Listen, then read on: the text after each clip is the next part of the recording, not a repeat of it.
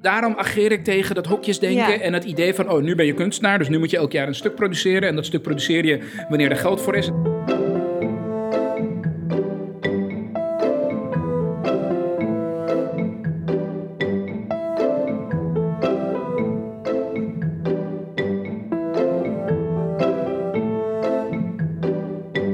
Welkom bij de podcast Theater heeft geen zin, maar ik wel. Ik ben Leonie Koelman. Ik ben theatermaker en bestuurskundige. Ik ben Jascha Dikker, filosoof, jurist en theaterliefhebber. In deze podcast gaan we op zoek naar het antwoord op de vraag: Wat is de waarde van theater voor de maatschappij? Nou, welkom bij eh, de volgende aflevering. We zitten hier in de Tolhuistuin aan het ei. En vandaag zit tegenover ons Sahant. Welkom. Dankjewel, ja, fijn dat ik er mag Ja, zijn. welkom. Zou je jezelf kort even willen voorstellen? Ja, ja ik ben eh, Sahant, eh, verhalenverteller van beroep. En eh, sommige mensen kennen mij ook als de oprichter van de Mesrap, wat ik ooit in 2004 heb opgericht. Een podium voor verhalen en ook veel meer, ook voor poëzie en dans. En ga zo maar door. En ik, ik treed op als verhalenverteller en ik doseer ook het verhalen vertellen. Misschien kun je iets vertellen over je, je, je beroep, wat je doet, het Ja. verhalen vertellen. Ja, nou, vooral wil ik stellen dat ik nooit een idee had dat storyteller, verhalenverteller iets is wat ik überhaupt kan worden, kon worden in Nederland of überhaupt in de wereld. Kijk, je moet je bedenken, ik eh, ben opgevoed in Nederland door mijn ouders en specifiek daarin is mijn vader een fantastische verhalenverteller, maar dat is voor hem niet een beroep. Dat is iets wat hij gewoon deed, omdat hij dat zelf, denk ik, heel bijzonder vindt. Hij heeft prachtige verhalen van zijn oma gehoord. Ehm, en er kwam nog een extra element bij. En dat is dat hij er bewust van was dat een hele hoop van wat hij in zich droeg en nog steeds draagt als Iranier, dat dat in Nederland verloren gaat. Dus dat het vertellen van verhalen de enige manier was om nog een soort band, een link tussen mij en het land wat hij heeft achtergelaten, de familie die hij heeft achtergelaten, om dat gewoon op de een of andere manier te waarborgen. Dus de herinneringen of de cultuur. Ja, of dat soort precies. Ja. Nou, dat zit er allemaal in. Ja. Ehm, maar hij heeft dat niet als beroep gedaan. Hij had ook nooit een idee dat het voor mij een beroep kon worden. En ik dacht ook helemaal niet dat in Nederland nu, hè, dat daar behoefte aan zou zijn. Ik dacht altijd, ik word wetenschapper, ik word bioloog. Ik wou het leven snappen. En eh, dat heb ik ook even gestudeerd. En ben ik na één jaar mee opgehouden om de kunst in te gaan. Dus er zat wel een behoefte in om bepaalde verhalen te vertellen. Maar die vorm, verhalenverteller, storyteller, ik dacht dat is heel erg achterhaald. Ehm, Ik dacht dat zouden romans worden voor mij of films. Ik heb ook even wat workshops, eh, scenario schrijven heb ik, heb ik eh, gedaan, wat me ook heel erg heeft geholpen in mijn, in mijn verhalen vertellen.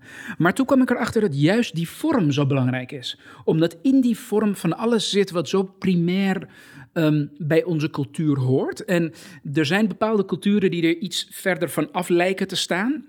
Ehm, en, en, en ja, hoe bijzonder is het om gewoon los van die verhalen ook die vorm weer terug te brengen. En die vorm is dan gewoon dat mensen gewoon weer bij elkaar zitten en naar elkaar luisteren. En dat, ehm, dat, dat, dat we gewoon ehm, het een en ander aan elkaar te vertellen hebben. En dat dat niet alleen maar iets is waar je een, een kaartje voor koopt en dan in een zaal zit en in de anonimiteit van een stad. Schouwburg zo een beetje kijkt naar, hè, naar iemand die daar eh, ja, Van heel knap te doen. Ja. ja, die heeft er echt zes maanden aan gewerkt met de regisseur. En dat, dat, dat vind ik ook fantastisch hoor. Maar, maar, maar gewoon dat wij dat samen voor elkaar kunnen doen. Er lijkt een soort grens te zijn ontstaan tussen wat gewone mensen mogen en de mensen die op het cons- conservatorium hebben gezeten. En die, die, dat wil ik beslechten. Dus dat is een beetje waar, waar het uit. Gaan. Absoluut. Maar Ja. waarom werkt dat dan? Waarom werkt deze vorm? Nou, het, het is niet zozeer waarom werkt het. Ik vind het veel eerder interessanter waarom hebben we het op een gegeven moment losgelaten. Oké. Eh, het is Ja, namelijk je zo. zei net dat je, het, dat, je het achter, dat je dacht dat het achterhaald was. Ja, ja, want in bijna alle culturen is het zo. Het, zet een paar mensen bij elkaar, nodig wat mensen uit en mensen doen dat. Je gaat bijvoorbeeld naar Ierland en ehm, daar is het zo dat ehm, eh, de, de, binnen de kortste keren is gewoon het verjaardagspartijtje. Dat is een evenement waarin de ene een verhaal vertelt en de volgende zingt. En die liederen kent ook nog gewoon iedereen. En iemand die pakt een gitaar en de ander die pakt de boran, hè, traditionele Ierse eh percussie-instrument. En datzelfde ritueel herhaalt zich in Albanië, herhaalt zich in Iran, in Koerdistan en ga zo maar door. Dus het is veel interessanter. Waarom hebben sommige mensen dat losgelaten? Nou, ik persoonlijk denk dat dat in de grote stad, in een, in, een, in een modern land met die mobiliteit te maken heeft. Van het gaan naar de grote stad, van het loslaten van familiebanden.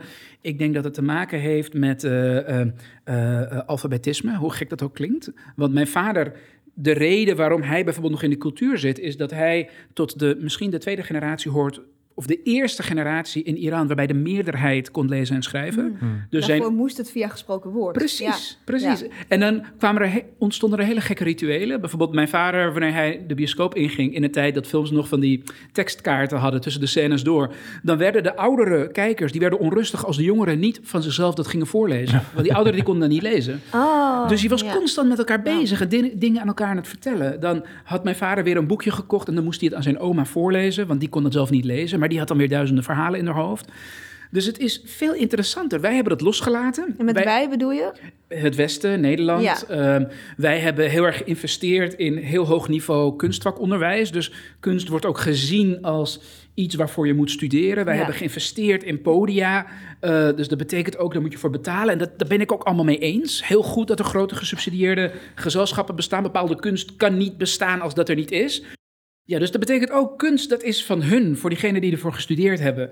En, en de gewone mens, die komt daar niet meer bij. Of dat wordt in van die buurthuisjes geplaatst. Dat is amateurkunst en je doet dat helemaal Ja, niet de, scheiding tussen amateur en professioneel is daarin heel duidelijk, bedoel je. Dus deze mensen hebben daar vier jaar lang heel hard voor gestudeerd. Die mogen dat beoefenen. Precies. En jullie zijn amateurs en mogen ergens achteraf Precies. met een low budget het gezellig voor de lol Precies. doen. En, daar zelfs die amateur doet het ook niet thuis. Die doet Nee. het dan ergens in een buurthuis. En, en, en dan komen vrienden en familie ernaar kijken. En ja, dat, ah, dat heeft ook iets Het zieligs. is verpakt en ingepakt en Ja. afgescheiden. Ja.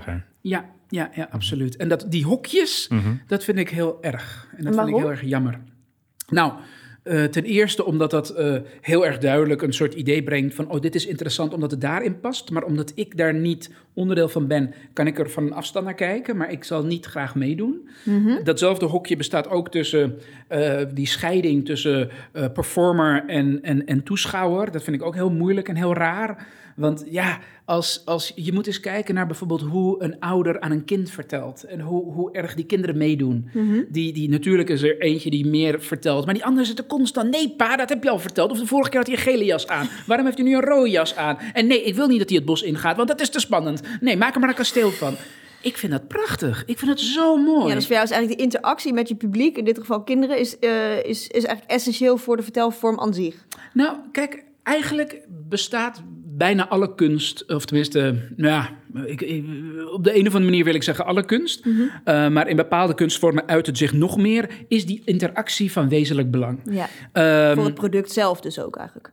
Absoluut. Kijk, Ja. een, een, een, zelfs iemand die een monoloog voordraagt, die nooit een, een- een lettergreep zal veranderen, zelfs die moet het hebben van de energie van het publiek op dat moment. Zelfs wanneer die publiek in het donker zit en je kan elkaar niet zien, zelfs dan is er een verschil tussen een, een acteur die dat doet in een volle zaal of dat hij dat doet in een opnamestudio. Ja. Ehm, dus wij kunnen niet ontkennen dat die, die interactie, die interactie is gewoon belangrijk. Hè? Daarom bestaat er live performance. Anders zou dat helemaal geen zin Ja, hebben. anders zou het een film kunnen zijn. Precies. Of, eh, of beeldende kunst of foto's. Absoluut, Ja. absoluut. Ja. Maar nu is dus de vraag, als die interactie zo belangrijk is, waarom maken we dan van die vormen waarin we zoveel mogelijk dat weghalen? Waarin we zoveel mogelijk het publiek veilig maken, die, die anoniem maken. En weg- waarom denk je dat we dat doen? Nou Ja, ik heb, ik heb daar met, met, met vrienden die allemaal veel slimmer zijn dan ik en die daarvoor gestudeerd hebben, heb ik daar gesprekken over gehad. En die zeiden bijvoorbeeld van, nou ja, eh, soms zijn het toevalligheden. Bijvoorbeeld eh, vroeger in het theater kon je het publiek gewoon zien. En als je naar die oude films kijkt, of films van die, eh, niet, niet oude films, maar van die period dramas, waarin eh, oude eeuwen worden afgebeeld, dan zie je dus dat mensen in een zaal zitten en dat je gewoon de gezichten kan zien. Hè? Het lichten zijn aan. En op een gegeven moment ehm, kwam de film.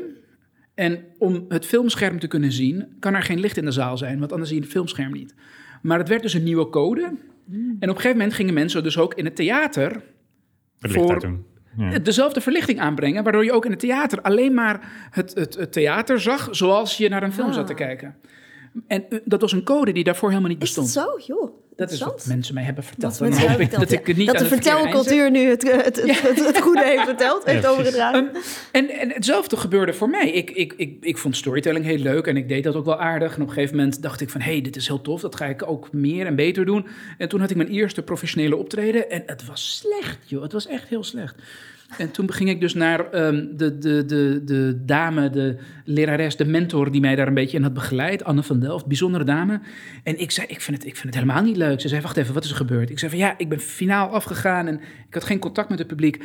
En zij zei, oh, zaten ze in het donker? En ik zei, ja, natuurlijk, ze zaten in het theater. Ze zei, zij zei tegen mij, ja, maar jij bent de verhalenverteller. Jij mag best vragen dat het licht aangaat. En ik zei, hè, mag dat? Ze zei, ja, Tuurlijk. dat doen wij nu. Wij willen in de ogen van het publiek kijken. Snap je? Dus Ja. die, die, die grenzen, dat vind ik interessant. Die barrières. En, en soms is het handig om dat te hebben. Maar soms is het, eh, eh, eh, werkt het tegen je. Ja, in ieder geval voor deze vorm werkt het heel erg tegen je dan. Ja, absoluut. Ja. Ik vraag me dan ook, want ik heb het nu over, over het belang ook voor de, voor de maker, zeg maar voor degene die op het podium staat. Hoe werkt dat voor het belang voor het publiek zelf? Dat hij zich zo nooit niet zo geïsoleerd zou voelen. Ehm, nou, het eerste wat het wegneemt is een soort eh, veiligheid. Ja. En eh, op, op, op, op het eerste gezicht is dat een, een, ehm, een enge ervaring. En is, lijkt het helemaal niet in hun belang te werken. Maar het is een schijnveiligheid. Dat is een schijn eh, anonimiteit. Die, die, die, ik heb daar helemaal niets mee.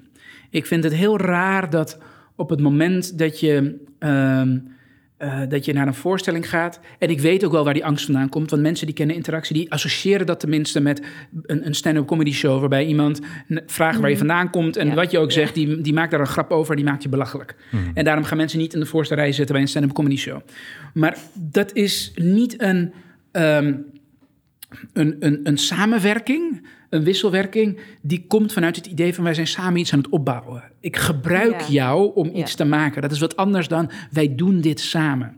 Ja. En op het moment dat jij, dat jij je du- dus daarvoor durft open te stellen, dan kom je dus bij een moment dat je op een gegeven moment denkt van hé, hey, oh, ik kan dus echt samen. En natuurlijk denkt het grootste deel van het publiek dat niet bewust van oh, ik ga nu samen een voorstelling maken. Maar het idee dat je qua gevoel daar samen in zit. Het doet denk ik wel iets dat je ook op de gezichten van anderen emoties kan herkennen. Want ik heb ook wel vaak in voorstellingen gezeten in de zaal waar het donker was. Bij meer traditionele Ja. eh, teksttoneelstukken waar driekwart van de zaal eh, zijn traantjes zat weg te, te slikken. Maar dat allemaal eigenlijk heel geheim deed. Dus Ja. het was donker en je voelde je daar ook... Ja, Enerzijds is dat heel prettig, want het is een soort veiligheid. Maar het is ook een, een, het is op een bepaalde manier toch heel alleen. Terwijl je, daar, terwijl je ook voelt dat je dat met z'n allen doet. Ja. En ik kan me voorstellen, juist als je mm, dat ziet gebeuren... eh, dat, dat, dat, dat dat een ultiem gevoel van verbondenheid Absoluut. geeft. Ook met het verhaal, met de performer. Absoluut. Maar, Ehm. maar echt, ik, ik, ik wil ook dat je, dat je niet denkt dat het alleen maar te maken heeft met, met bijvoorbeeld dat in het donker zitten. Hè? Dat is, Nee. Voor mij staat dat symbolisch voor iets veel groters. Ja, met het algemeen het monolitiseren van kunst. Het staat op een podium, staat op afstand. Dat niet dat Ja. een kunstervaring ook een praktijk, een, een deelnemen is. Precies. En vooral wat het betekent voor mensen dat ze niet te veel van zichzelf willen laten zien en horen Ja. en merken en voelen. We merken dat in eh, bijvoorbeeld op het moment dat wij aan het lesgeven zijn. Kijk, soms is het zo dat tijdens, tijdens de lessen ehm, dat, dat iemand heel emotioneel wordt en die het over bepaalde zaken heeft, dat hij, dat hij flink daarvan begint te janken. En de eerste reactie van alle studenten is, die willen dan het podium opspringen om die studenten te, te, te, te troosten en mee te nemen en te knuffelen en, en, een, en een zakdoek aan te bieden. En oh, oh, oh, wat erg en kan ik je ondersteunen? En een collega van mij die ook heel veel meer in, in, in dat opzicht in onze school heeft ingebracht, eh Rafael, de, de jongen, een van de oprichters van onze school, die, die, die zei tegen mij, zie je nou wat hier gebeurt? Zij doen dit om een soort menselijkheid te laten zien. Ja. Hè? Maar eigenlijk is dit om hun eigen eh, eh, discomfort weg te nemen. Omdat zij het helemaal niet aankunnen om iemand anders te zien die in de emo- emotie schiet. Terwijl misschien die persoon er helemaal niet zo heel veel aan heeft. Om nu de kans weg te nemen om, om even die emoties te Ja, voelen. misschien, en omdat het dus ook helemaal niet zo erg is. Precies. We vinden met z'n allen het heel erg om emotie te laten zien. Zeker negatieve emotie. Dus huilen is, is iets heel ergs. Absoluut. Terwijl, ja, waarom eigenlijk? Iedereen doet het. Absoluut. Het hoort heel erg bij. Absoluut. Wij- wij- mens zijn. Absoluut. Wij stoppen onze emoties weg. Wij, wij durven het niet te laten zien. We willen het niet, niet zien in de ander. Ja. En vervolgens hebben we dus ook eh, eh, vormen van kunst.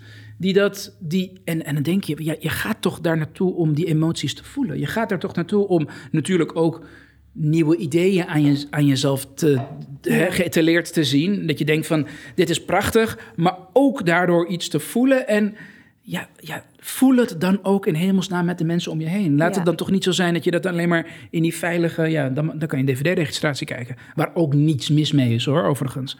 Maar als je daar toch met z'n allen zit... laten we daar dan dat ri- ritueel van maken zoals we dat vroeger hadden. Zit hier dan ook misschien een, een, een nieuwe noodzaak in? Dus je zei aan het begin, ik dacht dat storytelling achterhaald was als medium. Mhm. Maar misschien is het juist in een samenleving waarin we emotie wegdrukken, waarin je dat niet graag laat zien, waarin je alleen Ja. in je eentje op je kamer huilt of bij de psycholoog. Ja. Om het even te Ja. chargeren hoor. Maar eh, Ja. eh, is, zou dat eigenlijk juist een, een argument zijn waarom het juist wel weer nu actueel is? Absoluut, ja. ja. Urgent. Ja, overigens vond ik zelf storytelling nooit achterhaald. Ik dacht dat deze samenleving hem achterhaald vond. Kijk, aan de ene kant ehm, eh, was ik blij om te zien dat de, de samenleving bepaalde eh, eh, elementen die ik in de storytelling van belang vond, dat, dat, dat die andere vormen had gevonden om dat te onderzoeken en te tonen. En aan de andere kant dat de, de, de andere elementen, dat, dat daar nu ook weer een hang naar is. Nou, wat is dat specifiek? Hè? Voor mij is dat dat samenkomen en samen die ervaring aangaan. Dat is iets waar mensen dus klaarblijkelijk eh, steeds meer voor kiezen. Om gewoon, en ook jonge mensen, die zogenaamde eh, social media generatie, die gewoon samen ergens in een ruimte zit en een ervaring aangaat. Een interesse in hele persoonlijke verhalen. Want kijk, storytelling kan heel veel vormen aannemen. Je kan eh, sprookjes en mythen en zagen vertellen, maar je kan ook hele persoonlijke verhalen vertellen. Daar, daar, daar is ook gewoon weer een, een, een, een drang, een, een behoefte aan Ja. om dat, dat contact op te zoeken. Ehm, Dat, pers- dat persoonlijk is een manier om meer contact te hebben op een, op een lager niveau, zeg maar, op een meer één tot één niveau. ja, ik, ehm, ik heb ooit eens geprobeerd een beetje te bedenken waar het hem nou in zit. Ik denk op het moment dat jij een heel persoonlijk verhaal vertelt, dat je in dat persoonlijke verhaal ten eerste een soort je ultieme individualiteit tentoonstelt. Want er is een. Op een bepaalde manier kan je een ervaring alleen maar hebben ervaren. Kan jij die ervaring alleen maar op jouw manier hebben ervaren? Dus kijk, ik, ik, ik kan alleen maar op mijn manier als die eh, Iraanse hè, migrant, vluchteling. Eh, die specifieke reis vanuit die specifieke oorlog in dat specifieke jaar op mijn manier hebben ervaren. Dus op het moment dat ik jou daarover vertel, dat ik hè, die berg over ben getrokken en door die sneeuw ben gegaan, en jij hebt dat gelukkig, vermoed ik, nooit meegemaakt, kan jij een soort uniciteit in mij zien. Een soort. ehm, ja, jij kan mij als die volwaardige individu zien. Ik breng jou iets wat ik alleen maar aan jou kan vertellen. Maar hetzelfde geldt voor jou en jou en wie dan ook. Ja. Daar staat dan tegenover, dat is de andere uiteinde, dat in elk persoonlijk verhaal er altijd iets universeels zit. Waar je eh, contact mee kan maken. En dan, dan betekent het dat je elk uniek verhaal van iemand ook altijd kan snappen. Omdat je altijd, zelfs wanneer je niet een, bijvoorbeeld een, een, een, een biseksuele, zwarte, derde generatie migrant uit Rotterdam bent, ik zeg maar wat. Zelfs dan zijn er elementen in het verhaal dat jij gewoon snapt, omdat bepaalde zaken zoals liefde, verlies, eh, je liefde voor ouders, of ja, ga zo maar door. Ja, een menselijke ervaring staat exemplarisch voor de menselijke ervaring. Absoluut, Ja. we snappen het altijd. En daar die, tussen die twee uiteinden, daar zit een heel spannend... Ja, dat, dat is een spanningsveld wat ik interessant vind voor de luisteraar. Ja, dat is, maar daar zit ook wel de, de kracht van of het je lukt. Want ik ben ook wel eens naar bijvoorbeeld monologen geweest. Dus dat is dan een, een vorm die je ook weer geeft aan het vertellen van een individueel verhaal. Waarbij me dat eigenlijk slecht lukte. Ja. Waarbij ik niet meeging. Nou, dit vind ik interessant. Ja. Eh, ik ben sinds eh, drie jaar eh, samen met mijn collega Rafael Rodan, met Mhm. wie ik ook eh, eh, onder andere met hem de Storytelling School heb opgericht, zijn wij ook artistiek leiders van het Storytelling Festival Amsterdam. Amsterdam Storytelling Festival. Ja. En eh, in die hoedanigheid boeken wij, programmeren wij storytelling programma's, maar wij zijn ook heel erg aan het onderzoeken wat is storytelling. Ja, en ja. dan halen we ook dingen vanuit theater. En ehm, op het moment dat je iemand uit het theater haalt, dan is het zo, kijk, ten eerste is daar niet een heel duidelijk onderscheid tussen wat is storytelling en wat is theater, loopt allemaal in elkaar over. Maar er zijn bepaalde elementen waarin die theatermakers minder vaak in slagen. En dat is Eh, op het moment, zelfs wanneer de voorstelling de vorm heeft dat iemand gewoon hè, de gehele monoloog lang direct naar het publiek kijkt. Hè, en dat, dat het licht aan is en al die externe vormen waar ik het over had, die lijken op storytelling. Zelfs wanneer zij dan gewoon, hè, ze lijken gewoon met jou te praten zoals ik gewoon nu op dit moment doe. Dan nog heb je het gevoel dat ze niet met je praten, maar tegen, je praten. Ja. En dat het dus een, een, een performatieve, eenzijdige Ja. zendingsvorm heeft. Ja. Dus ik heb iets ingestudeerd en dat ga ik nu tonen. Absoluut. En dan nog is het zo dat storytellers, zelfs wanneer zij, kijk, je hebt daarin ook verschillende vormen. Ik, ik zelf repeteer mijn teksten niet woordelijk. Hè. Ik schrijf ze uit in grote lijnen en dan in het moment kan het verschillende woorden aannemen. Ik heb collega's die het woordelijk instuderen. Ik heb collega's die dat echt, die nemen daar de tijd voor. En wat zij doen lijkt heel erg op wat diezelfde theatermaker doet. Ja. En toch is het zo dat diezelfde performer die staat en die vertelt. En je hebt niet het gevoel dat hij tegen je praat, maar je hebt het gevoel dat hij met je praat. En wat mist zo'n maker dan, een theatermaker? Dat, er, ik, ik, ik vermoed dat daar een soort angst zit om echt contact te maken. En om echt ehm, ehm, eh, jezelf kwetsbaar op te stellen. En jezelf, je binnenste, te laten veranderen door wat er op dat moment met het publiek gebeurt. Dus ik heb het gevoel dat vaak de theatermakers, die willen, die willen iets performen. En die willen het op een bepaalde manier doen, ondanks wat er op hen afkomt van buiten. Ja, dus eigenlijk een soort controle over de, over, over de connectie ook die ontstaat. Precies. Ja. Precies. Ja. Dus of, of, of het publiek nou op dat moment heel erg enthousiast is of een beetje achteruitgezakt zit. zij trainen zich om zich daar dan niet van stuk te laten brengen Ja. en naar binnen te laten komen, maar dan toch hetzelfde te brengen. Terwijl wat de storyteller doet, is die gaat juist, die, gaat, die, die neemt dat mee. Dat wordt onderdeel van wat hij Ja, vertelt. dus het van je stuk brengen is juist essentieel eigenlijk voor een, voor een storyteller. Om het vervolgens mee te nemen in, in de, de performance. Ja, omdat het Absoluut. contact voordracht, ja. Ja. Ja, er is echt contact. Ja. En, en je merkt dat, dat, dat, dat heel, veel, heel veel theatermakers die vinden dat nog steeds eng. En die verpakken dat met heel veel spektakel en poeha. En dat vind ik ook helemaal niet erg. Ik zou het ook heel spannend vinden. En ik denk als ik grotere budgetten zou hebben, dat ik het eh, zou dat ook absoluut had gedaan. Ja, zeker. Ja, absoluut. Nou, had ik leidt hele bands en lichtshows. En ik heb ook wel eens dingen gemaakt met... We hebben bijvoorbeeld eh, in, eh, in Brussel eh, hadden we vorig jaar, net voor de lockdown... hadden we een, een, een reeks optredens in een Nationaal Theater. En nou, die hadden geld om voor ons een lichtplan te maken. En, en, En dat heb je ook gedaan toen? Hebben we gedaan. Oh, dat was leuk. En hoe vond je dat dan? Werkte dat of werkte het eigenlijk niet? Ja, jawel, maar dat kwam vanuit een, een, een, een, een soort besef van hoe wij het publiek tegemoet willen Hmm. treden. Dus het paste bij de vorm. Het paste bij de vorm en het paste bij ons. Ja. En wij hebben dus on- we- ons wezenlijk zelf hebben wij niet losgelaten. En ehm, En wat heb je dan gedaan? Kan je daar een concreet voorbeeld van geven? Want Ik ben wel heel benieuwd hoe, hoe dat licht er dan uitzag, bijvoorbeeld. Nou, eh, het, was een, het was een stuk waarin wij eh, vanuit onszelf, hè, dus Rafael en ik, de Israëli en de Iranier, wij praten heel direct als onszelf, maar dan af en toe stappen wij in een rol van eh, eh, eh, Eerste Wereldoorlog soldaten. En het licht veranderde dan, dan werd het heel spannend.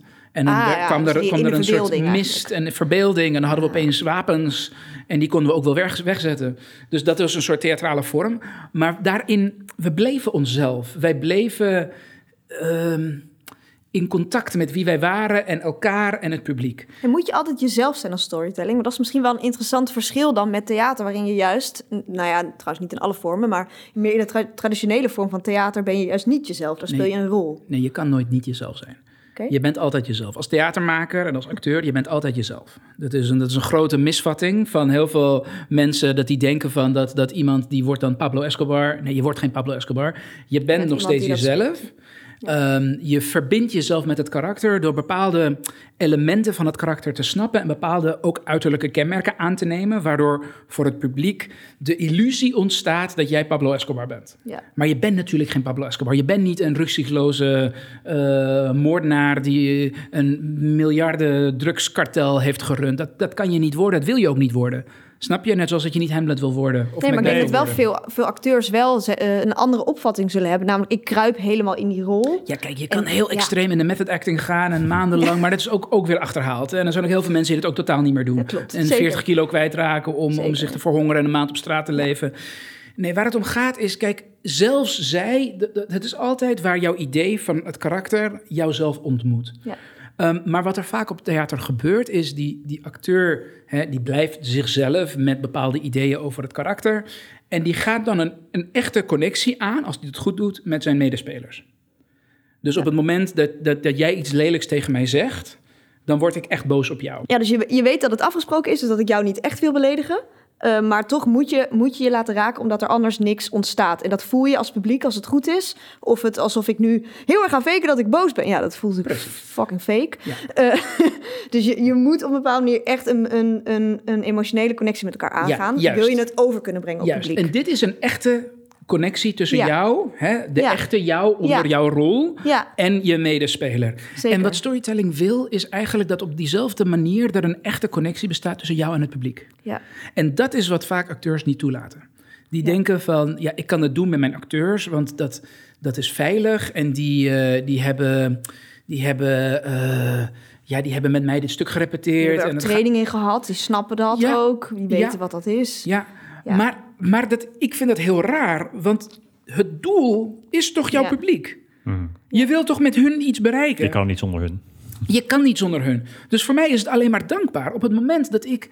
Oh, mijn hemel. Ik heb het bijvoorbeeld gehad dat ik eh, in een van de stukken die, die ik met Rafael heb gemaakt. Nou, er zit, er zit een heel pijnlijk verhaal in over, eh, over onze vaders. Dus hij houdt van zijn vader, maar zijn vader die heeft gediend in het Israëlische leger. En ik hou van mijn vader, maar mijn vader was een Iraanse communist die op een gegeven moment dacht van... weet je, misschien moet ik, om voor de mensenrechten op te komen, naar Palestina... en die rot Israëli eruit schoppen. En dan had het gekund dat die twee mannen de wapens op elkaar hadden gericht. Hè? Nou, gelukkig heeft mijn vader dat nooit gedaan. Maar goed, dit is dus waar het over ging. En, en wij hebben dus over iets wat ons heel erg raakt. En er zat een, er zat een moment dat, ehm, dat ik aan het eind dus vertel hoe ongelooflijk verschrikkelijk ik het vind. Dat al die pijn dat die man, die vader van mij, met zich meedraagt, dat hier in Nederland niemand dat ziet. En wanneer zij hem op straat zien lopen, dat ze denken, oh dat is weer een zoveelste migrant die hier komt, die nauwelijks kan lezen of schrijven. En die heeft geen idee dat, dat, dat, eh, dat, dat hij meer boeken thuis eh, in zijn Ja. boekenkast heeft staan dan wie dan ook hier. En op het moment dat ik in dat stuk dat tegen Rafael zeg. En de eerste, weet ik wel, 20, 30, 40 keer dat we het speelden, was het ook altijd op hem gericht. kwam het nooit aan zoals ik het echt wilde. En dat kwam omdat ik dat tegen Rafael zeg. En Rafael is iemand die mijn vader kent. Meer dan- nog dan dat. Rafael, die, die, die houdt van mijn vader. Dus nu zeg ik tegen iemand die van mijn vader houdt, hoe ontzettend Hij hem niet kent. treurig Ja. het is. Ja. Nee, maar dat de Nederlanders Ja. niet snappen. En dan wordt het gewoon iets zieligs. Hè? En, eh, Ik wil sympathie, maar die heb ik al van hem. Ja, dus wordt een soort klagen bijna. Precies. Ja. En het stuk werd zoveel beter wanneer ik dat echt tegen iemand in het publiek vertelde. Wanneer ik gewoon keek en dat ik voor mezelf bedacht... wie hier heeft de meest onsympathieke rotkop? Wie hier... Maar serieus, wie hier is de persoon die, die, die, die, die, waarvan ik denk dat dat echt zo iemand is... die dan een kaartje heeft gekocht vanuit een soort linkse good mensch-achtig gevoel... van nu ga ik naar buitenlanders kijken en nu gaan zij me eens een beetje vertellen... dat het ook eh, beschaafde mensen zijn. En nu ga ik jou eens even vertellen, jij snapt er helemaal geen donder van. En op het moment dat ik dat doe, wow, dan kwam echt emotie uit Ja? bij mij. En bij jouzelf, ja. bij mijzelf. En, maar het is best, best heftig, ook voor jezelf, denk ik. Heel- Natuurlijk. super kwetsbaar. Natuurlijk. Ja. Maar het mooie is, dat, dat zijn gevoelens die er blijkbaar al, altijd al in zaten. Want kijk, in het echte leven hou, ben ik Nederlands en hou ik van de mensen om mij heen. En ben ik zelf een ontzettende linkse goed mens. maar daaronder zit natuurlijk, natuurlijk een, een, een bepaalde percentage van wrijvel. Van, van, Ja, van woede of pijn. Tuurlijk, of, of ja. En ook al is het maar 5%, maar ja, daar kan ik dan dankbaar gebruik van maken op het moment dat ik dat dan eruit gooi. En één keer was het zelfs zo dat net voordat ik aan die monoloog begon, dat iemand vanuit het publiek, en dat was een ontzettende rechtse, dat was een Trump-aanhanger. Die, zei, die, die riep opeens vanuit de zaal van ja, maar die, die stomme revolutie van je ouders, ja, die Shah eh, waar die tegen vocht, die was toch wel een stuk beter dan Khomeini. Dus eh, een beetje een sukkel die vader van je, hè? Want het was daarvoor toch wel... dus die, die, Die riep dat vanuit de zaal? die riep dat, ja. En bij ons komt dat heel veel voor, omdat wij al zoveel de interactie aangaan met het publiek, dat het... Makkelijker Hè? ontstaat, ja. Precies. Maar toch, op dat emotionele hoogtepunt van het stuk hoor je dat minder vaak. En toen hij dat zei, de ene kant van mij dacht, yes, vanavond gaan we knallen.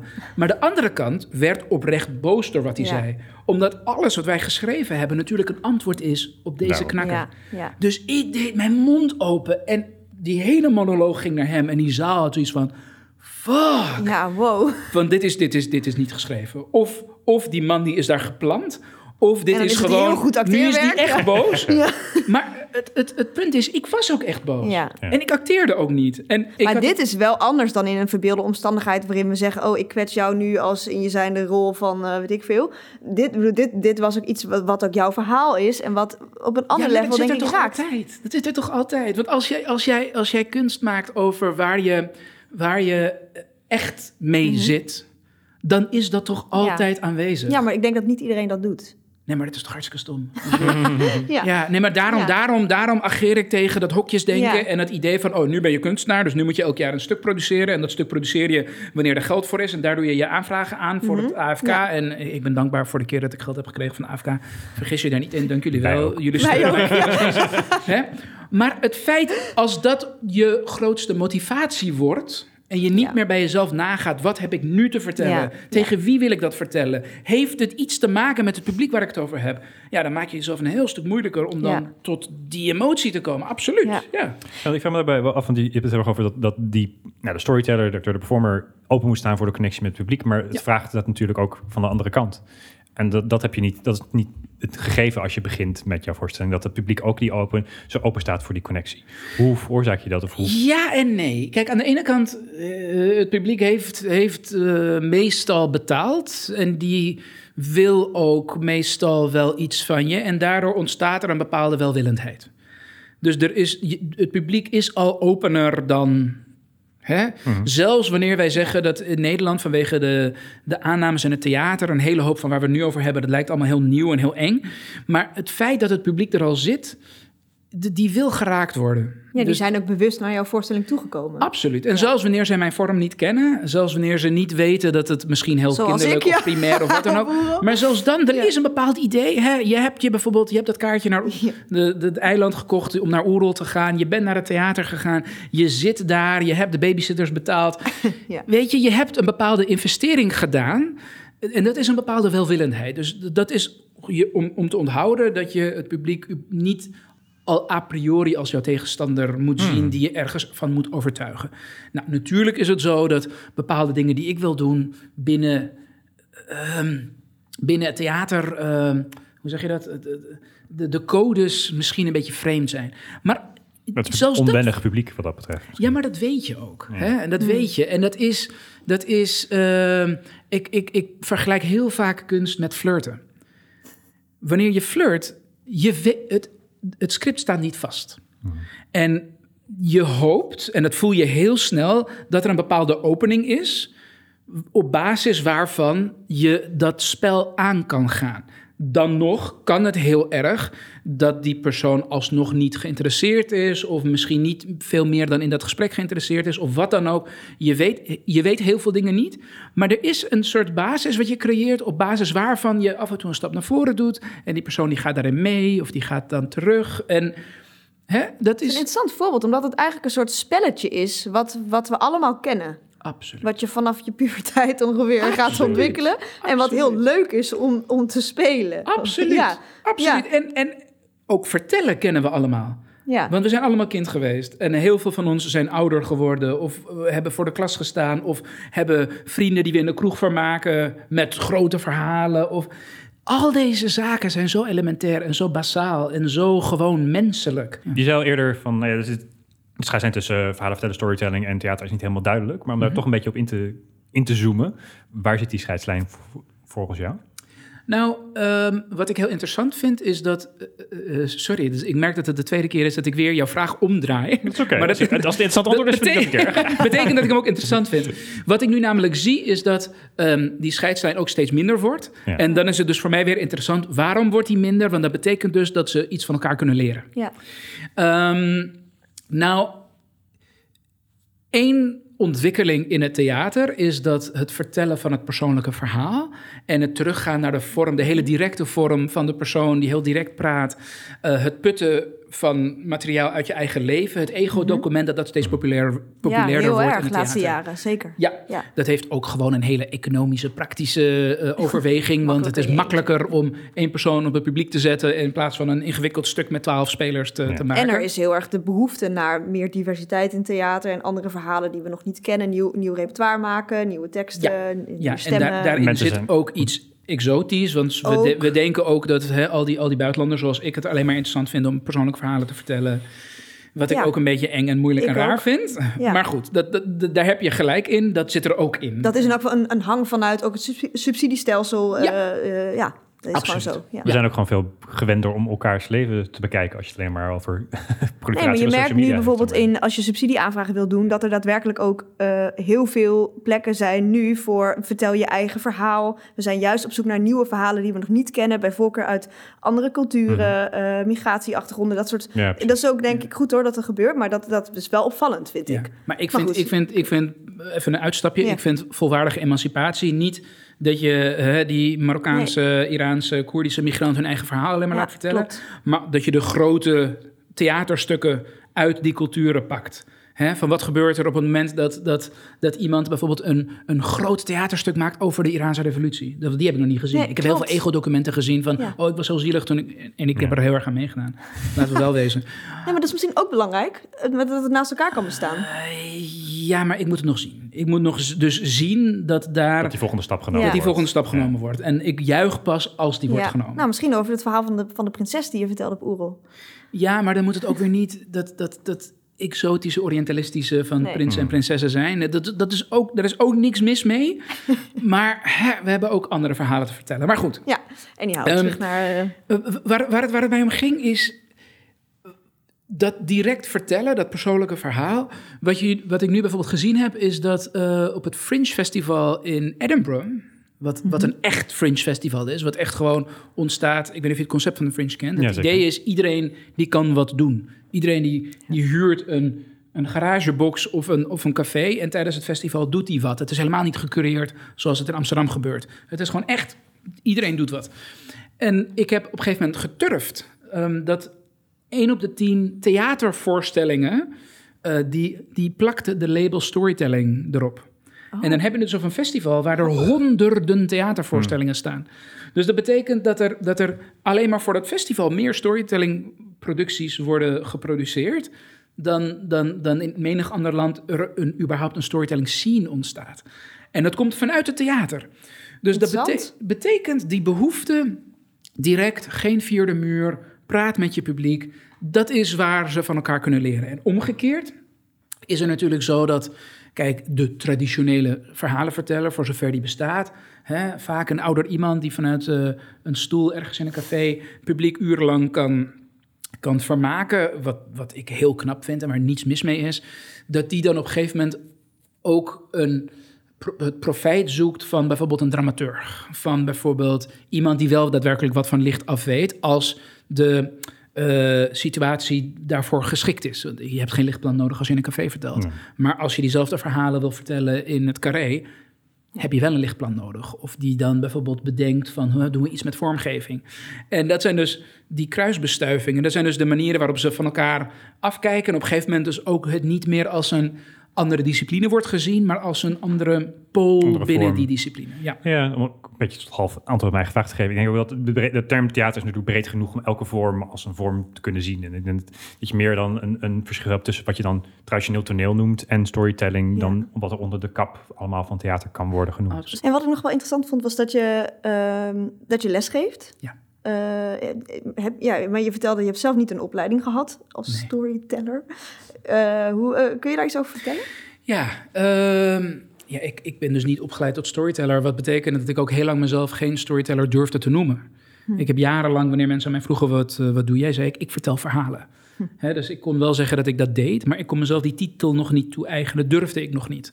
Totdat ik erachter kwam dat ik het, denk ik, interessanter en leuker deed dan een hele hoop die zich al wel storyteller noemden in Nederland.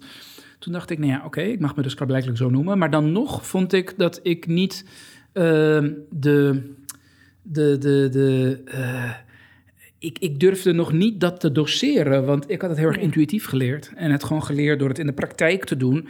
Kijk, op een gegeven moment open ik de mesrap en ik moest ehm, zes avonden in de maand, jaar in, jaar uit, hè, maand in, maand uit, jaar in, jaar uit, moest ik mensen vermaken. Dus ik heb het gewoon echt geleerd door het door het te Door doen. het te doen, ja. Maar ja, dat kan ik natuurlijk niet leren aan mensen. Je tegen iemand zeggen, ga maar zes maanden even daar. Ja, precies. precies. Dus uiteindelijk eh, veranderde dat toen ik eh Rafael Rodan heb ontmoet. hè, de jongen met wie ik ook veel Mhm. stukken mee heb gemaakt. En Farnoosh Varnia. En Farnoosh is een van de medeoprichters van eh jongere theatergroep De, eh, de Gasten. Ah, ah ja. En ja. eh, zij heeft ook aan de basis van onze school gestaan. En Rafael die heeft daadwerkelijk theater gestudeerd. Dus die had Ah. ook een grote rugzak gevuld met theoretische kennis. En die combinatie, dat, dat, dat bleek heel erg waardevol. En wat ik dan bracht was jarenlang vooral heel veel praktijk en podiumervaring. Wat zij natuurlijk ook wel hadden, maar hè, niet zoals manier, ik. ja. En, dus die, die, dat betekent dat wij dus mensen zijn gaan leren. Maar het is heel gek om een vak, een kunst, want wij zagen het als vak. Wij wouden het ook ook do- doseren. Wij waren ook heel erg, want je kan storytelling heel erg de sociale kant daarvan, de waarde daarvan zien, wat ik doe en wat ik belangrijk vind. Maar ook de artistieke kant. En wat zijn die twee dingen dan? Kan je dat eens omschrijven? Nou, kijk, op het moment dat jij het belangrijk vindt dat mensen gewoon bij elkaar komen en maar aan elkaar vertellen, omdat dat een hele belangrijke sociale functie heeft, dan stel je geen voorwaarden aan hoe hard iemand heeft geoefend aan zijn De verhaal, of, of die alle technieken snapt. Want Ja. dan ga je dus weer een grens stellen tussen de, de amateur en de, de professional. Ja, dus dan zeg je het gaat om het samenkomen. Precies. En dat is dan het doel aan zich, dat mensen samen in een ruimte zitten. Precies. Ja. Maar op het moment dat dat het enige is wat je doet met storytelling, dan ontwikkelt de kunstvorm zich weer niet als kunstvorm. Nee, dan wordt het eigenlijk een soort community art-achtige... Waar ook niks mee mis Nee, is. nee, helemaal maar niet, precies. Dus toen was het van, ja, maar wacht even, we willen die andere kant willen we ook eh, aanjagen. Er moet ook iets komen. Maar dan, dan, dan ga je dus aan de slag in een, in een, eh, eh, in een kosmos waarin de podia er nog niet zijn voor de storytellers, behalve de mesrap. Dus dan ben je mensen aan het opleiden. Je- kijk, je weet dat wanneer je een acteur opleidt, die kan dan meteen gaan eh, auditeren voor eh, rollen in eh, film en in theater. Maar die verhalenvertellers, ja, die doen dat. En, en er zijn geen podia. Er is ook geen publiek. Er is publiek dat in de mesrap komt en een paar keer per maand naar verhalen luistert. Maar dus tegelijkertijd moet je ook als docent, dus ik kan helemaal niet denken van, oh, ik heb nu 20 jaar verhalen verteld. Je moet dus blijven optreden om, om, om nieuwe festivals zoals Oerol, Ja. zoals het Fringe Festival, enthousiast te maken en te houden voor het programmeren van die storytelling. Want ik weet dat toen wij voor het eerst storytelling-programma's in Oerol hadden, dat ze dat gek vonden en dat ze dat Oh nog ja? niet, dat, dat was nieuw. En nu, de, de- onze laatste lichting net afgestudeerd is bij ons op school, nu kunnen ze dus inderdaad bij Fringe een, een voorstel indienen, want storytelling is een eigen kopje. Ja, Hetzelfde voor, eh voor Oerol Festival. Wij, wij moesten echt daar... ehm, Je moest het evangeliseren, zeg maar. eh, Absoluut, dat is missiewerk. Dat is ongelooflijk. en ja, we hadden het voordeel dat Farnoosh, een van de oprichters van onze school, ook een van de programmeurs Ah. van Oerol is. Dus die snapt dat. Ja. Ehm, maar dat moet nog even doorgezet worden. En waarom ben je- waarom ben je, ben je gaan lesgeven? Zeg maar? wat, wa- wat, wat was maken dat je dacht, ik moet het ook gaan, gaan doseren? Nou, kijk, het is een kunstvorm die, los van dat ik het sociale aspect daarvan heel belangrijk vind en gewoon wil dat dat ook doorgaat, wil ik dat die kunstvorm ook als serieus eh, wordt gezien en zich ontwikkelt. En ehm, kijk, je kan, een, een kunstvorm kan niet bestaan in het luchtledige. De, het publiek die moet daar mee in aanraking komen. Die moet daar ook de ontwikkeling daarvan interessant vinden en daarin meegaan.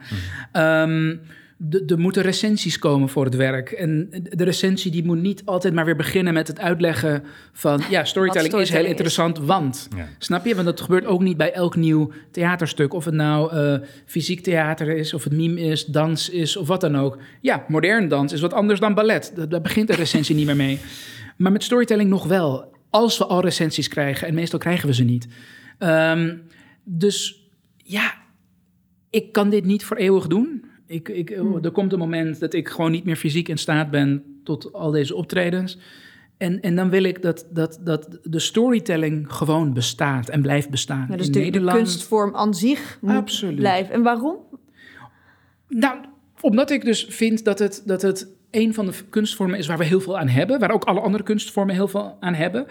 Juist omdat het zo primair is en het teruggaat naar die allereerste vertelvorm. Die allereerste vorm waar al die andere kunstvormen uit zijn ontstaan. Dat, dat, dat ook weer een soort teruggang daarna. Het brengt ook alles weer samen.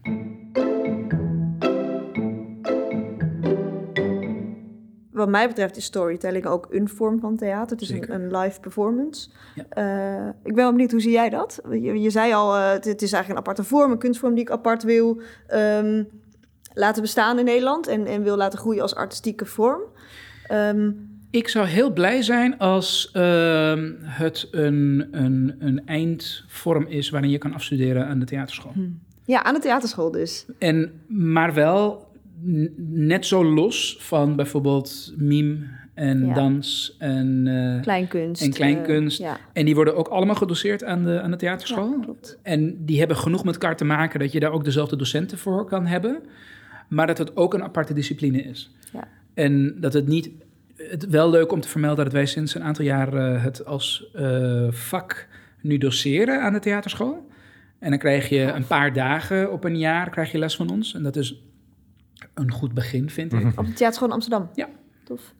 Een voet aan de grond. maar. Ja, ja, zeker, zeker. En, en ja, hoe mooi zou het zijn als het op een gegeven moment... Maar dat betekent dus ook, dan zouden er genoeg eh, studenten moeten zijn... die daarin zouden willen afstuderen. En dat betekent dat er genoeg voorstellingen geweest zouden moeten zijn... op plekken waar die studenten komen... dat zij zich erdoor laten inspireren, zodat het een vak wordt. Dat ze, dus er zijn zoveel elementen die je in de gaten moet Het is houden. eigenlijk bijna een soort kip-ei verhaal. Je Absoluut. moet het vaak zien, Oh, wil je erdoor ja. geïnspireerd worden en het, wil, en het gaan studeren. Eh, ja, en andersom ook. Als, je, als meer mensen het gaan doen, Absoluut. wordt het ook vaker gespeeld. Absoluut. En wat het anders wordt, is gewoon een soort hype die op een gegeven moment ook weer verdwijnt. En het is Ja. heel erg zonde. Wat is de maatschappelijke waarde van het delen van verhalen op deze Ja. manier? Ik heb ooit eens eh, eh, van een website van een, een bevriende school in Den Haag... heb ik een lijstje geplukt van vier eh, hoedjes die de verteller op heeft... en die, Mhm. die allemaal van belang zijn voor de samenleving. Die de, die de traditionele verteller op had. En de een was het overbrengen van nieuws. Dat is wat de verhalenverteller altijd deed vroeger. Tweede was gewoon vermaak. En dat, dat klinkt heel bazaal, maar het is heel belangrijk om onszelf gewoon te, vermaken. Eh, ik bedoel, ik was deze lockdown niet doorgekomen zonder mijn Netflix. Ik had dat gewoon nodig. Ja. Snap je? Ja. Ehm, de, de, de, de, je moet nieuws overbrengen, je moet mensen vermaken, je moet de tradities in stand houden om men, door mensen eraan te herinneren wat hun geschiedenis is, hun gedeelde geschiedenis. Ehm, En waarom moet dat? Dat, dat geeft het gevoel van saamhorigheid en een verbondenheid aan een bepaalde plek.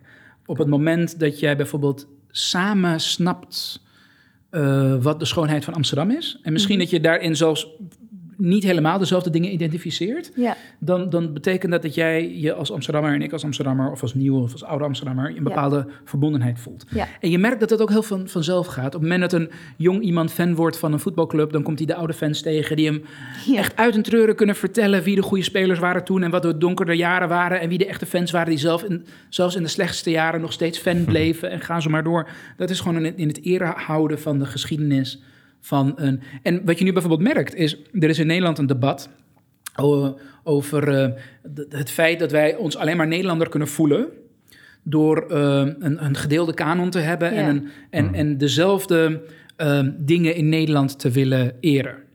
En er zijn heel veel mensen die denken van, nee, maar dat vind ik helemaal onzin, want ik wil helemaal niet een standbeeld van eh, JP Koen eren. En er zijn mensen die denken dat degene die die standbeeld niet willen eren, dat die, dat die daardoor eh, geen goede Nederlander zijn. Of geen Nederlander zijn. Mhm. Eh, dat zijn allemaal migranten die ons Nederlander zijn willen verpesten. Maar wat ik interessant vind is, want ik hoor daar ook onder. Ik ben, ik ben een migrant, maar ik ben een Nederlander en ik voel me Nederlander. Ja. Ik hou vast aan een heel ander beeld van Nederland en een geschiedenis van Nederland die mij ook dierbaar is. Ja. Dus voor mij is het zo dat, er, dat de, de, de tolerante traditie van, van, van Amsterdam, eh, die ook heeft geleid tot een tolerant geldsysteem, waar ook het VOC eh, uit is gegroeid en ga zo maar door. Dat, dat, dat is ook iets wat ik eer. En ik eer daarmee niet de roofzucht van de VOC, maar ik eer Nee. een soort de liberalisme in Amsterdam. ehm, waardoor hier een hele hoop mensen zich konden vestigen. Zoals de Portugese en de Spaanse Joden, wanneer het in het Iberisch Schiereiland niet meer kon. Snap je? Ja. Dus het feit dat een verhalenverteller die gedeelde geschiedenis ons kan bijbrengen en in stand kan houden, dat is in de oertijd belangrijk geweest. Toen wij nog rondreizende stammen waren, die vertelden van ja, vroeger toen we nog geen vuur hadden, was het heel koud en nu hebben we vuur en daar kunnen we samen van genieten. Of eh, wat, waar die verhalen dan ook uit bestonden. Ehm, dat is de reden waarom mijn vader verhalen uit Iran vertelde, om ook die gedeelde geschiedenis met mij levend te houden. Dus dat is een, een Ja. belangrijke kant. En het, het, het, eh, de, de eh, ethische, morele geschillen, die snappen wij door de gedeelde verhalen. Dus zoals een, een, een, een traditioneel, een priester, een, een, een imam, een, een dominee, een rabbi jou vertelt wat goed of slecht is vanuit de verhalen uit het boek, die je ook zelf kan lezen. Maar die verhalenverteller die zegt, en moet je kijken, dit is hè, op het moment dat Abraham eh, de berg opliep en die zat, die zat heel erg in tweestrijd, want als vader wou hij zijn zoon helemaal niet doden, maar als iemand die God moest gehoorzamen, vond hij dat hij dat wel moest doen. En, en jou laat nadenken over ethische, morele dilemma's. Ja, het zijn eigenlijk voorbeelden, verhalen waarin je kan aflezen hoe je je moet gedragen in, in, in situaties en wat is de goede Ja. keuze is en wat Precies. de slechte Dus de keuze. emotionele en normatieve informatie overbrengen. Ja, Dus er zit psychologie in. Het, zijn, het waren de psychologen die ook aan de hand daarvan jouw eh, ruzies konden beslechten tussen, Ja. tussen man en vrouw en ga zo maar door. Dus dit zijn allemaal hele belangrijke, nou, een hele hoop van deze taken die dat mensen hebben dat nog steeds, maar die noemen zichzelf dan niet storyteller. Maar bijvoorbeeld wanneer je het over eh, komische nieuwsuitzendingen hebt, zoals wat Trevor Noah doet met de Daily Show of eh, eh, Oliver of eh, onze eigen Arjen Lubach, dan is dat iemand die en nieuws brengt. Voor bijvoorbeeld mijn broertje en een hele hoop in zijn generatie is dat de primaire nieuwsbron. En tegelijkertijd worden ze vermaakt.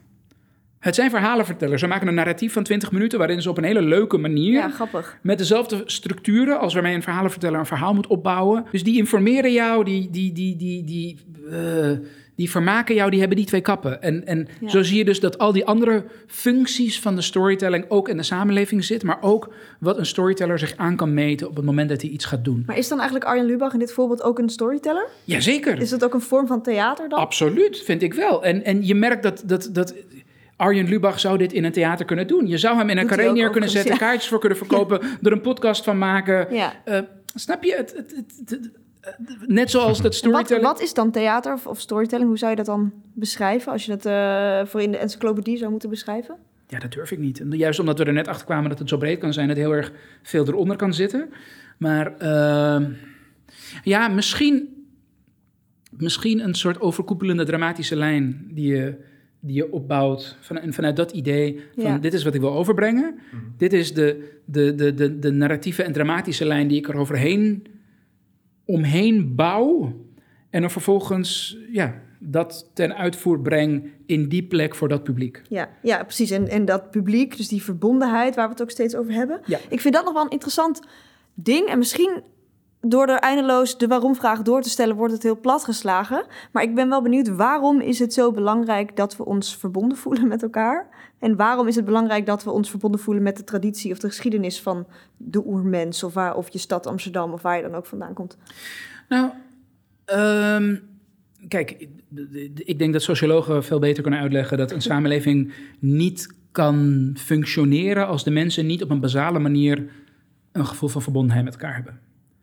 Het is, eh, dat, dat, dat, dat kan gewoon niet. Mensen, mensen die. Ja, dus dit, Kijk- mensen moeten dat doen. Dat- Absoluut. Dat is mens zijn. Ja, in ieder geval per onderdeel van een, ja. van een samenleving zijn. Ja. Ja. Ja, Ja. op alle niveaus zal die samenleving niet kunnen functioneren als mensen zich niet op de een of andere, een of andere manier verbonden voelen met die samenleving. Ja. Nou, vroeger waren er zoveel vanzelfsprekendheden in die samenleving, waardoor het leek, en ik denk dat er vroeger ook wel uitdagingen waren die wij vandaag de dag vergeten zijn, maar het lijkt wanneer wij naar, hè, naar de jaren 50 kijken of daarvoor, dat wij gewoon door de gedeelde eh, eh, overwinningen en tragedies van ons verhaal, maar ook wat wij delen in religie en taal eh, en huidskleur en ga zo maar door, hè, etniciteit, dat we allemaal, dus het, is, het leek veel meer vanzelfsprekend.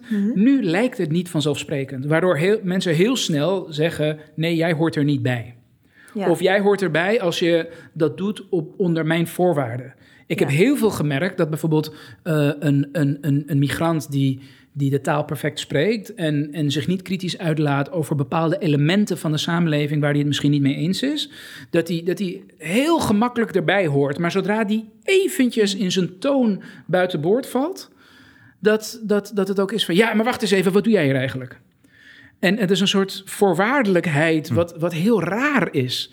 Want hoe kan, ik, hoe kan ik erbij horen op het moment dat jij heel gemakkelijk dat erbij horen ook van mij kan afnemen? Vloept, ja. Dus, Dat- dat- dus dat is onzin. terwijl als ik een scherpere toon eh, als ge- geboren getogen Nederlander eh, eh, die zo'n opmerking zou maken, dan zou dat niet zijn. Dan zal ik er niet ineens Precies. Dan wordt je Ja. niet jouw participatie daarin Nee, in twijfel getrokken. Ja, precies. Ja. Ik vind ja het- dat is heftig. Ja, en ik vind het bijvoorbeeld ook heel... Ik bedoel, je kan er best over debatteren of iemand na drie jaar of vijf jaar of tien jaar of twintig jaar bij een samenleving hoort.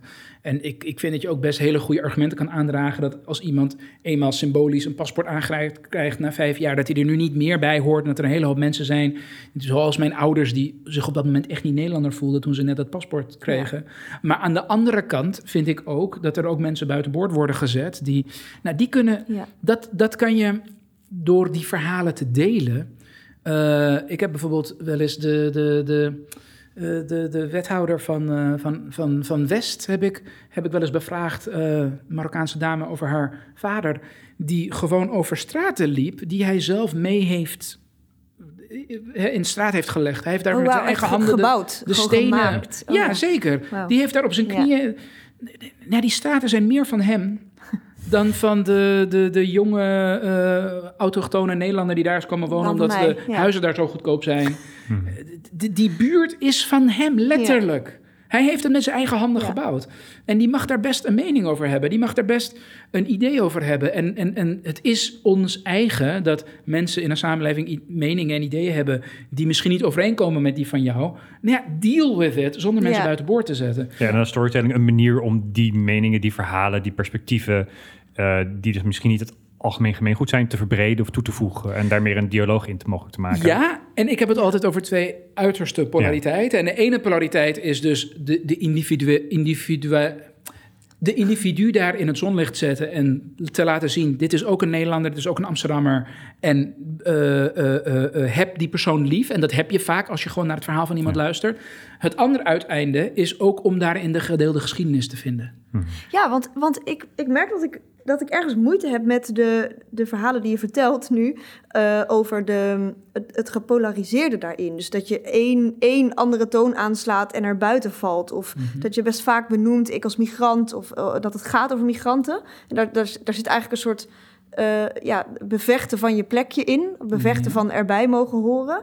Terwijl ehm, eh, hoe ik jouw voorstellingen heb gezien, want ik heb je ook in het Bostheater nog gezien, was dat ik vooral meeging in jouw verhaal en dat ik niet heb nagedacht over, ja, hoe zeg je dat? Er buiten vallen of, of Ja, maar nu, jij hebt twee hele lieve voorstellingen van mij gezien. Ja, dat kan. En, en ik Ja. vind dat daar een hele grote waarde in zit. Ja. Ik vind dat er, dat er dus zowel het werken aan deze kant van het spectrum, de, de kant is van het samen en lief en wij en die wij Ja. is zo inclusief mogelijk. En ook werk wat het individu heel erg neerzet. Tuurlijk, ik denk dat ik. het naast elkaar moet bestaan. Ja. Maar, maar dat lieve ook, want ik hoor vooral de andere kant. Dus ook eh, wat, het voorbeeld wat jij net zei van... eh, oh, nu gaan we met z'n allen naar een buitenlander kijken. Eh, ja, ik, ik vind het heel... ik vind het denk ik belangrijk dat dat allebei... Ja, is. absoluut. Absoluut. eh, ja, want daar zit voor mij juist een gevoel van verbondenheid en van samen in. Ja, ja. Ehm, ja zeker. En, en, en ook, ik, ik ben een, een witte Nederlander. eh, maar ik, ik kom uit Twente. Ik voel me ook een ontzettende migrant in Amsterdam, eh, moet ik eerlijk zeggen. Inmiddels niet meer. Maar ja, dus ik, ik, ik kan me daarin soms ook best herkennen.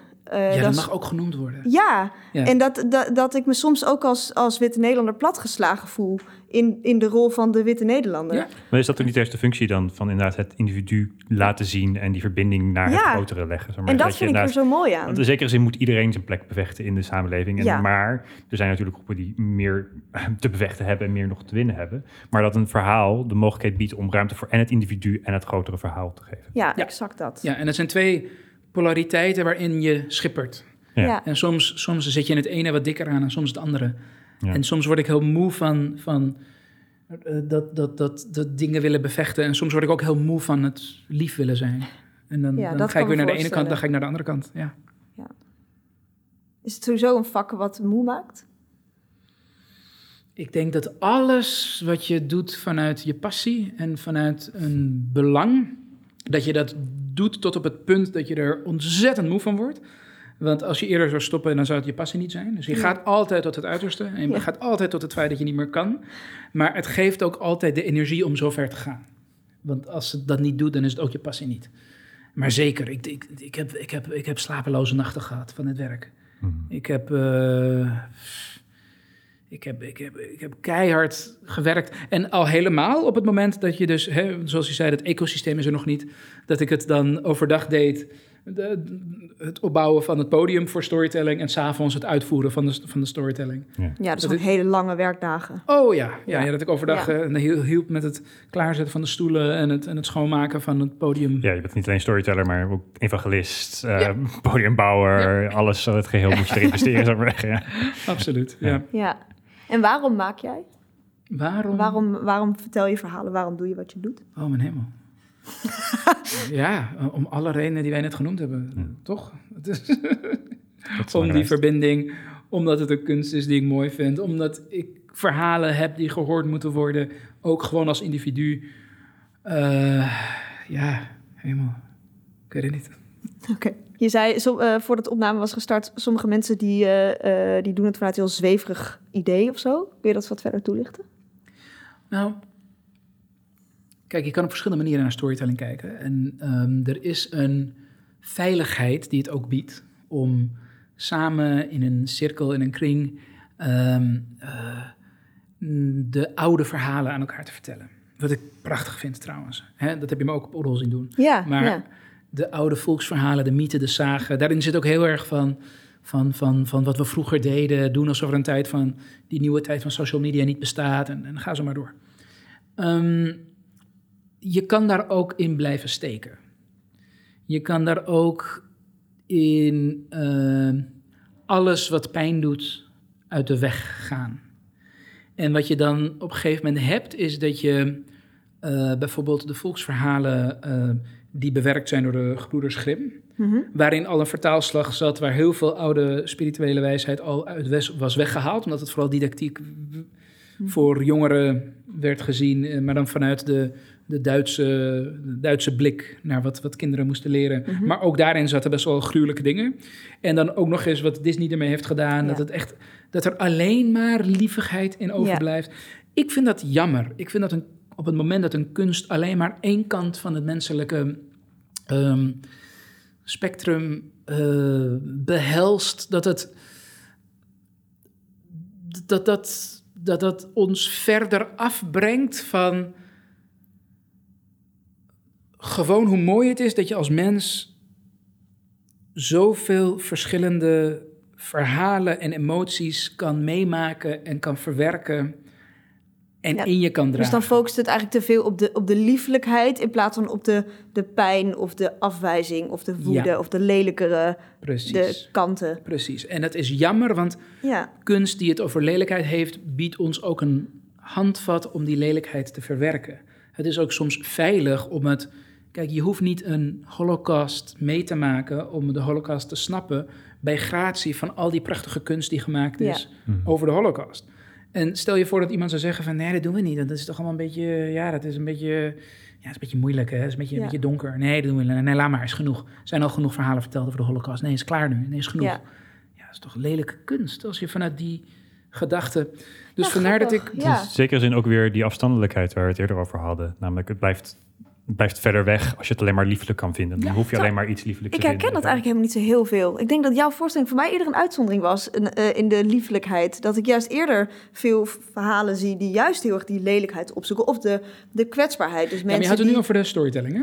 En Ja, binnen klopt, de storytelling wordt dus de, de moeilijke thema's worden niet eh, Hmm, aangeboord. Ja, En eh, in het theater wordt, eh, worden de thema's wel aangeboord, maar wordt het, het, het zo direct jezelf openstellen naar het Ja, publiek, klopt. wat ook eh, spannend is, wordt een beetje uit de weg wordt gehaald. weggehaald. Ja, precies. Ja. Dus daar wordt, het, wordt eigenlijk de interactie weer platgeslagen. Precies. En in dat spanningsveld zitten wij nu als, als de nieuwe lichting verhalenvertellers, als de nieuwe kunstvorm, die dus mm, de, de, de, de, wat regulier theater durft in het aankaarten en Ja, aansnijden van heftige onderwerpen, combineert met wat storytelling durft, namelijk het op een zo eh, direct mogelijke manier overbrengen, waardoor je niet die muren hebt die ook een bepaalde mate Ja. van veiligheid met Ja, dat is interessant. Ik, kan, ik hoor me nu al de recensies voor me die dan gaan zeggen... eh, eh, het is te privé of het is te veel je therapiesessie. Terwijl ik denk dat daar juist wel ook een, een, een, een potentiële kracht zou kunnen zitten. En die rec- rec- recen- recensies hoeven niet per se ernaast te zitten. Want ik heb ook storytellers gezien die ik te privé vond. Omdat die. Maar dan vond ik het niet dat zij, ehm, dat zij zich meer moeten afscheiden van het publiek. Maar meer het persoonlijke verhaal moeten bedenken. Wat is hiervan interessant Ja, nou ja. voor het publiek? Dus eigenlijk de vakmatige vertaling. Absoluut. Dus hoe maak je dit verhaal goed in een theatrale of een, in een vertelvorm? Absoluut, Ja, absoluut. en daarbij hoef je helemaal niet een muur op te werpen. Ja. Nee. Om het minder privé te maken. Maar je moet natuurlijk wel bedenken. Wat is hierin universeel? Ja. Ja. En ja, ja, en dat is vakmatig. Interessant. Ja. Overigens eh, is er iets vergelijkbaars met... eh, kijk, wij zijn, eh, wij zijn heel erg gaan streamen en heel erg online gegaan met ons werk in de mesrap sinds, eh, sinds de lockdown. Dus dat moet. Ja. Ja, nou, heel leuk om, om dat allemaal te onderzoeken en te kijken wat je kan bieden aan je publiek. En op een gegeven moment ben ik ook heel kritisch gaan kijken naar wat wij, wat wij brachten. En ik merkte dat, dat ik sommige dingen die wij naar buiten brachten, dat ik dat leuk vond, maar andere dingen helemaal niet. Dat ik dacht dat dat de plank missloeg. En pas vrij recent snapte ik waarom ik het eh, vond dat het de plank missloeg. Je zit namelijk in een lockdown waarin eh, best wel wat mensen het moeilijk hebben. Ja. Ehm, en ik vind dan bijvoorbeeld een verhalenverteller die dan opkomt en alleen maar blij doet en doet alsof er helemaal niks aan de hand is, vind ik heel onin- oninteressant. En vervolgens vind ik ook iemand die dan van die lockdown-misère komt en alleen maar komt vertellen hoe verschrikkelijk het is, want die hebben we dus ook bij ons hè, op het podium, vind ik ook verschrikkelijk. Omdat je dan dat aan het vertellen bent aan het publiek, die of dat zelf wel voelt en die denkt, nou ja, en, oké, nou ik voel het, mijn buren voelen het en jij voelt het ook. Nou, oké, wat heb je nou te vertellen? Of ik voel het niet en nu moet ik naar jou kijken die het wel voelt. Ja, ik heb En dan dus- word ik ook helemaal. eh, ja, ik heb het al van mijn Ja. buren gehoord en van mijn Ja. ouders. Ja, En, de ene is het, is het aan het ontkennen, de ander zwachtelt zich erin. precies. En ik vind dat het dan als storytelling waarde heeft op het moment dat je dan dat, dat, dat gevoel wat jij, wat jij neemt en hebt, wat heel legitiem is, want elk gevoel dat iedereen heeft is legitiem. Maar wat, wat heb je ermee gedaan? Waar heeft het zich in vertaald? Wat heeft het gebracht? Was het die ene mooie beeld? Of, of was het een besef? Of was het een. Wat, wat, heb, wat zit er aan de andere kant van de rekensom? Wat je ons wil presenteren? Waarom moet ik van jou horen dat jij dit hebt meegemaakt? En niet om het zwakker te maken dan dat het is. Maar. Sna, Maar snap wat je? hebben we er aan als maken. publiek of zo? Wat kan je er? Want je, je zei een rekensom, maar je, ma- je tekent Ja. in de lucht eigenlijk een, een dramatische lijn. Ja, precies. Dus wat, wat is de, de catharsis die we samen meemaken? Of de, de les die we eruit leren? Of de hoop die we eruit kunnen halen? Precies. Ja. En dat is, dat is wat ik ook binnen mijn kring te veel mensen niet zie doen. Dus ik ben ook heel kritisch naar onze Ja, dat is goed, denk ik. Ja. Ehm, wij ronden graag af met een vraag die we altijd stellen. We hebben hem dit keer niet gesteld aan het begin, overigens. Nee, we hebben, we hebben het Ergens wel. halverwege. Ja, precies. Nou, en dat is dan, wat is volgens jou de waarde van theater? En volgens ons valt er daar dus storytelling onder. Daar hebben we het ook, ook duidelijk over gehad.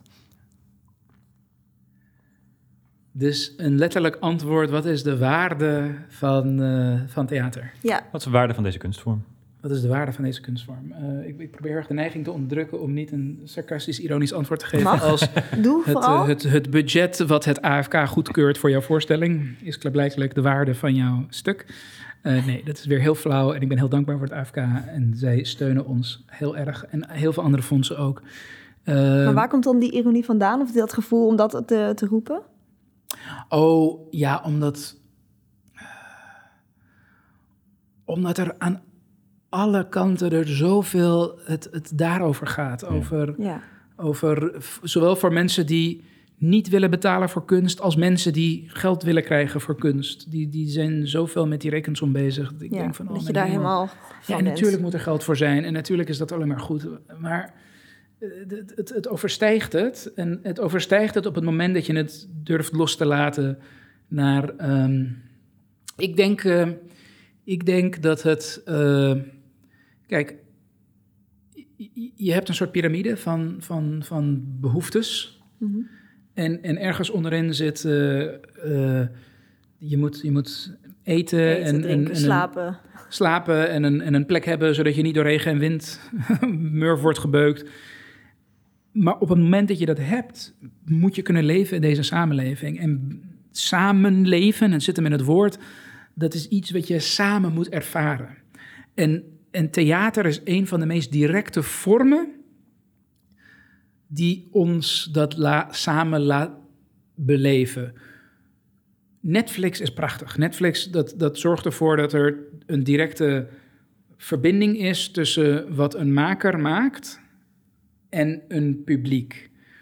Maar vervolgens, theater trekt dat publiek groter van alleen maar die ene persoon die dat achter zijn laptop kan doen, naar de groep die dat samen kan doen. Die dat doet samen in één ruimte. We beleven het samen. En ook de maker zit in die ruimte. We doen het samen, zoals wij dat samen nu in deze ruimte doen. En ehm, dat, is, dat is bazaal. Anders kan die piramide niet bestaan. Baby's die moeten aangeraakt worden. Dat weten Ja, we al Anders lang. gaan ze dood. Ja. Anders gaan ze dood, anders groeien ze niet, anders ontstaan er bepaalde hormonen niet. Eh, wij moeten sommige dingen gewoon samen ervaren. En theater, dat blijft ons weer teruglokken in dat samen zijn. Ja, een samenleving heeft een samenbeleving nodig. Ja, mooi. Wauw. Ja, dat is van de mooie Ik vond quote. wel Oké, tegeltjes. eh, ja. Oké, mooi. dankjewel. We ronden hem hierbij af. Graag gedaan, jullie bedankt. Ja, Yes. fijn dat ik er mocht zijn. Ja, absoluut. oké. Mooi gesprek, man.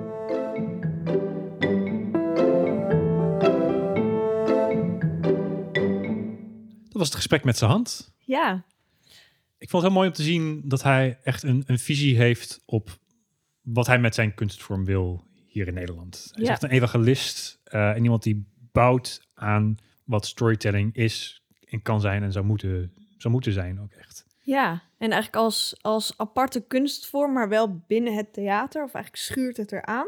Ja. En, en hij was inderdaad echt een pleitbezorger van... deze kunstvorm moet in Nederland eh, eh, voet in de aarde krijgen. Of in elk geval serieus genomen worden ook. Ja, want hij, hij vervult daar echt ook al die verschillende functies. Want hij, heeft, hij doet het. Hij heeft zelf natuurlijk een Ja. mede opgericht. En hij, hij is zelf een storyteller en vertelt dan verhalen op allerlei verschillende plekken al, al tijdenlang. Maar hij geeft er ook les in.